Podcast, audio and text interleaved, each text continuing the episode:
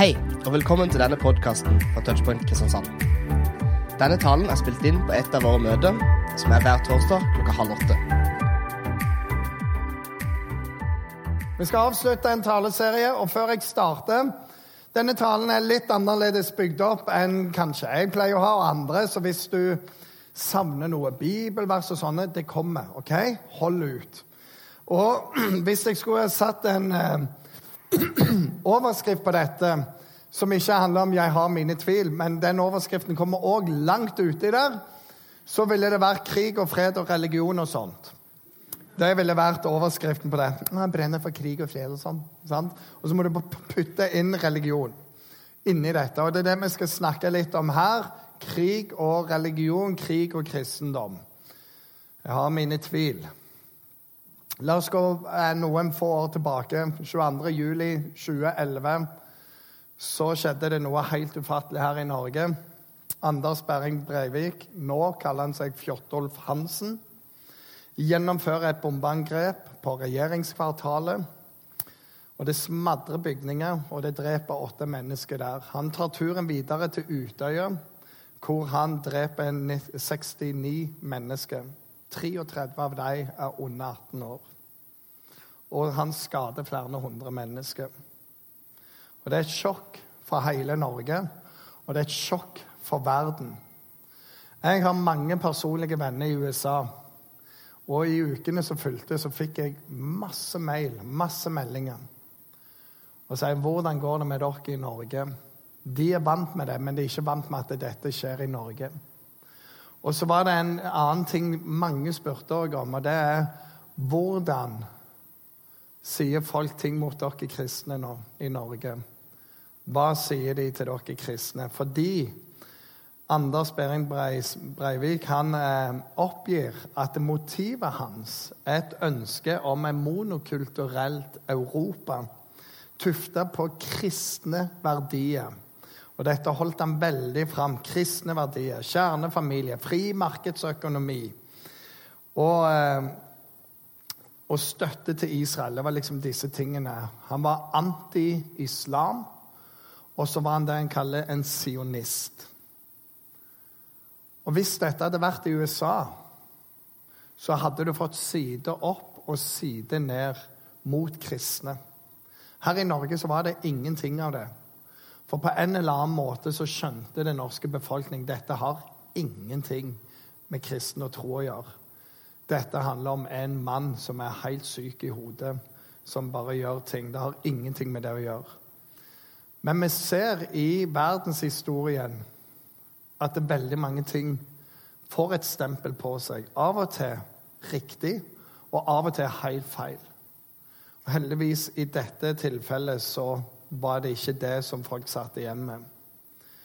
Men dessverre, og dette er noe av dette som går på 'jeg har mine tvil' Kirkehistorien har mange sorte hull. Og det har noen kapittel som er bare grusomme. Som de er der. Og det har dessverre skjedd. Og flere av disse tingene har vært eh, velsigna av, av Kirkens øverste ledere på det tidspunktet det skjedde. Og det er ikke til å bortforklare. Det er grusomt. Og det er interessant når vi fikk en ny pave, hvordan han ba om tilgivelse på vegne av kristne for mange ting som har skjedd opp igjennom. Han sier der Der gjorde vi feil. Det er helt forferdelig, det er forkastelig. Og ber om tilgivelse. Vi snakker f.eks. om korstogene var blodige og grusomme når de beskriver noen sånne episoder. Vi sto til knes i blod, og vi slakta de ned. Hva er det med kristendom å gjøre? Inkvisisjonen, heksebrenning, krig mellom protestanter og katolikker. Og noen av de krigene holder på i dag. Misbruk i kloster og misbruke Jesu navn og maktovergrep som bare er sånn grusomme, helt ned på enkeltindivid til hele samfunn. Det er så mye kvalmt og det er så mye ekkelt i dette her. Og når det da i tillegg er velsigna av de øverste, så kan jeg forstå når noen sier jeg har mine tvil om religion er bra i det hele tatt. Det er vanskelig å tro på en kjærlig Gud når de kristne har stått for så mye krig.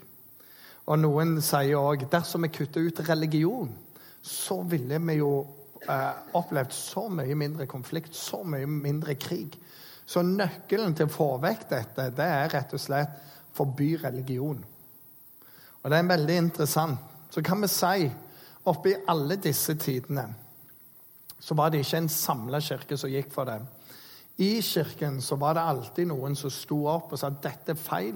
Dette er bibels. Du finner ikke ett eneste skriftsted som taler for det. Men så lenge du har makt, penger, posisjon, så er det utrolig hva som kan skje. Jeg syns det er veldig interessant at hver gang det skjer noe med kristne, så er ateister på. Liksom hobbyen. Der ser du. Det er på grunn av religion. Men hva skal vi da si om den kirkeskytingen som fant sted nå nettopp i USA? Baptistkirka i Sutherland Springs i Texas. 26 mennesker blir drept. Av en ateist så var det sånn at hvis ateistene ikke fantes, så ville det blitt en mye bedre verden. Hva skal vi si om Marx og alle de andre som har ateistiske trekk, som slakta ned? Det er veldig behagelig å gyve løs på kristne. Men vi, vi er ikke her for å forsvare oss. Encyklopedia. Et veldig bra navn hvis du har eh, dysleksi. På norsk egentlig leksikon. Har eh, en liste over flere tusen kriger som har blitt begått.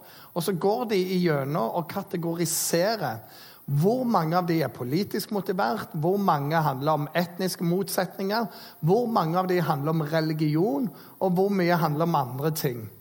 Og sjokket når folk da sier vi må kutte religion for det fører bare til krig, det er at når de går gjennom alle disse krigene, så er kun 7% basert på religion. 7% av krigene. Det betyr at det er 93 har ingenting med religion å gjøre. Så vi ser det her, Hvis du kutter religion, så får du kanskje bukt med 7 Det er 7 for mye. Men det løser ikke det de sier de skal løse. Et mye, mye større problem enn religion, det er jo politikk. Så hvis du skal følge denne linja, så må du si vi må forby politikk. For hvis det ikke var politikk i verden, så var det heller ikke krig. Og så skjønner jo oppegående mennesker at du gjør jo ikke det. For du trenger gode politikere for å forhindre krig. Det er ikke politikk i seg sjøl, og det er ikke religion i seg sjøl. Men det er dette skillet mellom ondt og godt. Det går tvers igjennom hver enkelt av oss. Det handler ikke om hudfarge, det handler ikke om religion, det handler ikke om ismer eller noen ting. Men det handler om vårt hat, vår egoisme, og vår hang til å misbruke makt når vi får den. Og Hvis vi da hadde klart å fjerne hat og egoisme og maktmisbruk, da hadde det gått bra. Problemet er at da hadde store deler av deg vært fjernet, og store deler av meg. For jeg kan kjenne på hatet. Det kan stige opp, og det er helt utrolig. Jeg trenger bare å være ute i trafikken litt så kan jeg kjenne den som sneik seg, og den som ikke kan forflytte seg. Jeg kan kjenne på egoismen på forskjellige måter. Og det er der kampen står, ikke i religion eller ikke. Så mye av denne påstanden om at vi blir kvitt religion, så blir vi kvitt mye av krigen, den stemmer ikke med statistikken. Men det kommer en annen påstand seilende opp med en gang. Og det er når vi leser om mye av dette, og om han eh, ateisten, så står det jo at han var militant ateist. Og Da er det ikke så mye trykk på ateisme, militant. Og Når vi leser om kristne, så vil vi lese om ekstreme kristne. Fundamentalister. Så da er neste påstand den Hvis vi bare er litt mindre kristne, så hadde det vært mindre vold. Litt sånn leit utgave. Litt det beste av Happy Jesus og så happy ateisme eller happy humanisme så hadde dette vært veldig bra. For vi ser når det blir litt mye, så går det helt galt med alt, og så skjer disse tingene. Så egentlig ikke så veldig kristne, bare litt kristne. Det ville vært mye bedre. Og igjen, hvor tar vi det ifra? Hvor kommer den tanken ifra? Hvilken forskning ligger bak det? For det er veldig behagelig å bare slenge ut noe. Men når du begynner å eksaminere dette, så må du spørre ja, stemmer det. Og her er noen av tingene. Når vi må eksaminere om disse tingene stemmer, så må vi ikke bare ta ett kapittel der og ett glimt der, men du må ta det tilbake til røttene. Hvordan starta greia? Hvem var grunnleggeren? Hva sier Skriftene? Hva sier tradisjonen? Og la oss gå bakover i tida her. De første 1000 år etter Jesus døde, 1000 år, så finner vi nesten ikke spor etter noen ting av krig. Det er 1000 års start, det. Det syns jeg er en passelig god start uten inkvisisjon, uten korstog og uten andre ting. For det preger ikke de kristne i det hele tatt. Og så er det enda eh, litt lenger tilbake. Hvis vi går tilbake til år 300 etter Kristus, på 300-tallet Da var Romerriket det dominerende riket. I 300 år fra Kristus liv og død til keiser Konstantin kom til makta, så spredte den kristne troen seg bare sånn ut overalt. Og hvis du ser på grafer av hvordan det bare eksploderte rundt, så er det helt enormt. Aldri med makt, aldri med krig, aldri med overgrep, men med helt motsatt fortegn med å hjelpe, med å bry seg om de fattige, ta seg av enkle, enker og farløse, bygge opp samfunn, være til støtte, være til hjelp.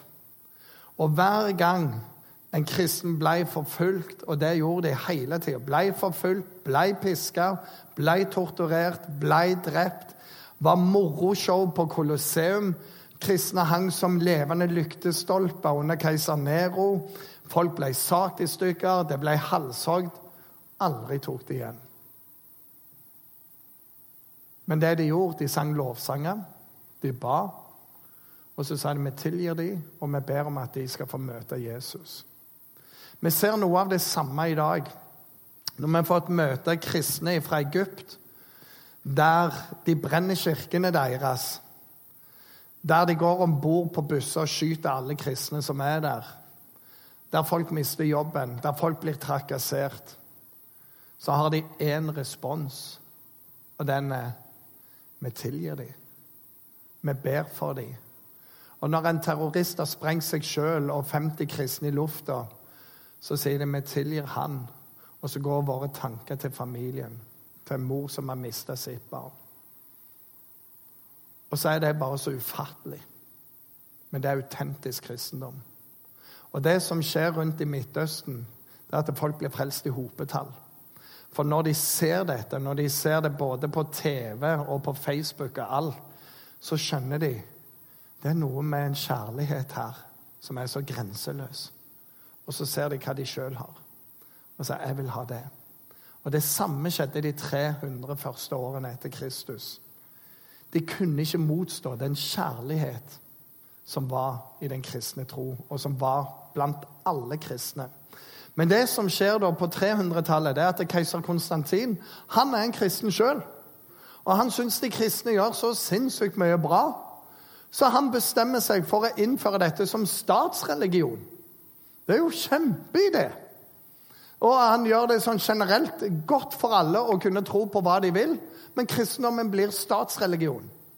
Og så går jo noen fortellinger om at han òg går og sier hvis du blir en kristen, skal du få et par sølvmynter, så skal du få et jordstykke, og så kan du dyrke ditt eget. Det gjør det jo plutselig litt attraktivt å være kristen. Og hvis du var kristen, så kunne du få fordeler av det. Og plutselig så skjer det et skifte i verdenshistorien. Det har ingenting med Jesu budskap å gjøre, men det har med en politisk endring å gjøre. Det blir attraktivt fordi du får fordeler. Jesus snakket aldri om fordeler. Han snakket bare dere kommer til himmelen, dere får tilgivelse for syndene. Jeg har en plan for dette livet. Men vær rede til å dø for evangeliet. Du må ta ditt kors opp, du må fornekte deg sjøl. Det er Jesu budskap. Han sier du får noen penger, du får en jordeiendom. Og Der skjer det et skille, og det skillet kalles for personlig kristen og nominell kristen. Og ingen før skjønte hva det var snakk om. Hvis du var kristen, så visste du at du kunne bli drept for det. Så det måtte du bare ta med i beregningen. Vil du bli en kristen? Tror du på budskapet? Og tror du nok til at samme hva som skjer med deg, så tror du fortsatt? Det var Enten var du kristen, eller så var du ikke en kristen. Nå så er det noe helt annet. Jeg har fordeler av det. Og du får nominelle kristne. Og når du da spoler videre fram i historien, så var det ikke alle som ble prester og biskoper og hva enn fordi de nødvendigvis ønsket å følge Jesus, men fordi det fulgte makt og posisjon og penger med i det, og fordeler. Det er jo interessant med disse prestene som fant ut at de måtte ligge med damene når de skulle gifte seg, for å finne ut om de var jomfru eller ikke. Det er ikke helt etter boka, det heller. Det er et maktmisbruk som er helt Er det mulig? Og de skal få lov å svare på dommens dag for hva de har gjort. Og jeg er glad jeg er ikke i deres sko. Men det er et skille der, så du må tilbake til historien, til røttene. Hvis vi da til, nå går inn i Bibelen, så står det om den aller første menighet. Og det første som kommer opp her, der står det de holdt seg trofast til apostelens lære og fellesskapet, til brødsbrytelsen og bønnene. Hver og en ble grepet av ærefrykt, og mange under og tegn ble gjort av apostlene. Alle de troende holdt sammen og hadde alt felles. De solgte eiendommene sine og, de, og, det, og det de ellers eide, og delte ut til alle etter hvert som de trengte det. Hver dag holdt de trofast sammen på tempelplassen, og hjemmene brøt de brød og spiste sammen med oppriktig, oppriktig og hjertelig glede de sang og lovpriste Gud, og så står det Og alle og, og var godt likt av folket. Gamle oversettelser var likt av alle. Og hver dag la Herren til nye som lot seg frelse. De var godt likt av alle. For det var noe annerledes med dem. Det er noen som har sagt det sånn De andre hadde ingenting felles unntatt konene. De kristne hadde alt felles unntatt konene. Og så går det noe videre med enker i den tida. Hvis du var enke, så var du prisgitt å ha en familie som kunne ta seg av deg. Hvis du var enke og de andre var døde, så var du fattig. Og så står det, og så hadde du foreldreløse òg, som de bare var rundt for seg sjøl. Jakobs brev sier en gudstjeneste som er feilfri i Guds øyne, er å ta seg av enker og foreldreløse i all deres nød. Det er noe etter Jesu hjerte. Og Bare en liten parentes. Vegårshei kommune er kåra flere ganger til den beste levekårskommunen i Norge. Og Mange mener at sporet på grunn av det, det er at det var en vekkelse på Vegårshei. Og Det var på den tida der Norge hadde virkelig fattige folk. Og De leste Skriften, og de leste disse versene. Og Det fortelles historier om fattige enker som bodde i noe skur og hadde ei ku som ikke melka lenger. Og midt på vinteren, når de nesten har brukt opp siste eh, kubbe med ved, så kommer de fra storgården og så kommer kom de hen og sier, 'Kom her, du skal bo på gården resten av livet.' Fordi Bibelen sier at vi skal ta oss av hverandre. Og så endte de ikke i fattigdom, men de endte i et stort fellesskap adoptert inn i en familie i en alder av 60-70 år. Fordi Herren Jesus sa at det er sånn gjør vi med hverandre. Det er autentisk kristendom. Og vi er nødt til å se på selve grunnleggeren, om vi kan kalle Jesus det, av den kristne tro. Og Det er alltid mer interessant å se på slutten av livet enn begynnelsen. Men hvilke spor? Og Her er det som er interessant med Jesus. Vi leser aldri om en krig. Vi leser aldri at han sa dere skulle ut og krige for meg. Vi leser bare helt andre ting. Og Den største talen, eller samlingen av taler, den finner vi i Matteus kapittel 5, 6 og 7. Og Det er så bånnradikalt, det som står. Vi skal lese litt av dette. Dette er Jesus sitt budskap, ikke noen biskoper på tusentallet. Det står det. Dere har hørt det sagt, øye for øye og tann for tann. Men jeg sier dere, sett dere ikke til motverge mot de som gjør ondt mot dere. Om noen slår deg på høyre skinn, så vend det andre til. Vil noen saksøke deg og ta skjorta di, så la han få kappen òg. Om noen tvinger deg til å følge, en, eh, følge en mil, det er altså romerske soldater som kunne ta folk og sa 'vis oss vei', og du måtte så 'vis oss en mil', gå to med dem. Ikke vær sint, bare hjelp dem. Og vend ikke ryggen til den som vil låne av deg. Dere har hørt det sagt. Du skal elske din neste, men hate din fiende.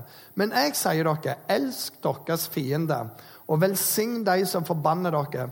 Gjør godt mot de som hater dere, og be for de som mishandler dere og forfølger dere. Slik kan dere være barn av deres far i himmelen. For han lar sin sol gå opp over onde og gode, og lar det regne over rettferdige og urettferdige. Om dere elsker de som elsker dere, er det noe å lønne dere for? Gjør ikke tollerne det samme? Og om dere hilser vennlig på deres egne, er det så storartet? Gjør ikke hedningene det samme. Vær da fullkomne, sånn som deres far, eller himmelske far, er fullkommen. Det er beinradikalt. Og hvis du leser versene før og versene etterpå, så er det et sånn et radikalt liv som det handler om å elske og bry seg og bare være helt motstrøms. Det er et par plasser som oppsummerer eh, Bibelens budskap. Jeg har tatt med tre plasser her. Og det, Den første er fra Bergpreken, den òg. Og er liksom, Når du summerer dette sammen, så står det alt dere vil at andre skal gjøre mot dere, skal dere òg gjøre mot dem. For dette er loven og profetene. Alt det du vil at andre skal gjøre mot deg, Gjør det mot deg. Vil du de skal krige mot deg? Antageligvis ikke, så ikke gjør det. Vil du de skal vise godhet? Yes. Når du har gjort noe dumt, vil du at de skal være nådige mot deg? Yes. Gjør det mot de andre, for det er summen av alt som er i Bibelen. Alt det du vil at andre skal gjøre mot deg, gjør det mot deg. Snu det på hodet. Vær det bønnesvaret du ønsker andre skal være mot deg. Møt andre på den måten du skulle ønske de møter deg. Det neste sier han og Hva er det største budet? Jesus, kom igjen. Og så sier han, han svarte, du skal elske Herren din Gud av hele ditt hjerte, av hele din sjel og av all din forstand. Dette er det største og det første budet. Men det er et annet bud som er like stort, og det er dette du skal elske din neste som deg sjøl. Det er det Jesus snakker om. Å elske. Det er budskapet i Bibelen. Så jeg har tatt med et vers til, og det er det vi kaller Den lille Bibelen. Og Det er når du på en måte bare konsentrerer det kristne budskapet. For så høyt har Gud elska verden, at han ga sin sønn den enbårne, for at hver den som tror på han, ikke skal gå fortapt, men ha evig liv. Gud sendte ikke sin sønn til verden for å dømme verden, men for at verden skulle bli frelst med ham. Så vi trenger ikke mindre kristendom. Vi trenger en tettere eh, relasjon til Jesus. For når du vandrer tettere med Jesus, da er det det som skjer med livet ditt. Du får en kjærlighet du ikke har hatt før. For det er Guds kjærlighet som blir boende i deg. Du ligner mer på Jesus. Bibelen begynner å prege deg. Og det er disse ordene og når du står i situasjoner, så kommer dette opp sånn. Du skal elske de som forfølger deg. Du skal be for de. Du skal søke å velsigne mennesker. Vær til velsignelse. Og så begynner du ikke å hate, men du, du har et sånt hjerte. Hvordan kan jeg nå inn med Guds kjærlighet til det mennesket der? Hvordan kan jeg leve til velsignelse? Hvem kan jeg ta meg av? Hvem kan jeg velsigne i dag, så de har det bedre i morgen. Det blir en del av livet ditt. Svaret er ikke mindre og tynnere Jesus. Svaret er det motsatte. Vi trenger mye, mye mer av Jesus hvis vi skal redusere det konfliktnivået. Jeg sa det første tallet i denne serien, og jeg sier det igjen. Hvem du tror på, hvor stor kjærlighet Gud har til deg, det ser du på hvor mye han var villig til å ofre for deg. Hva har din Gud gjort for deg? For det er ikke hva han sier, men det er hva han gjør.